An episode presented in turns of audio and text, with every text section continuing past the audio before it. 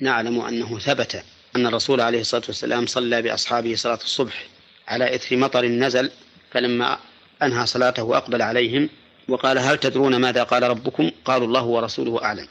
قال قال أصبح من عبادي مؤمن بي وكافر فأما من قال مطرنا بفضل الله ورحمته فذلك مؤمن بي كافر بالكوكب وأما من قال مطرنا بنوء كذا وكذا فذلك كافر بي مؤمن بالكوكب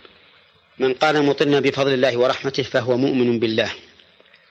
لأنه اعترف لله بالفضل وأن هذا المطر من آثار فضله ورحمته تبارك وتعالى. وهذا هو الواجب على كل مسلم أن يضيف النعم إلى بارئها ومسليها وهو الله تبارك وتعالى. ولا حرج أن يضيفها إلى سببها الثابت شرعا أو حسا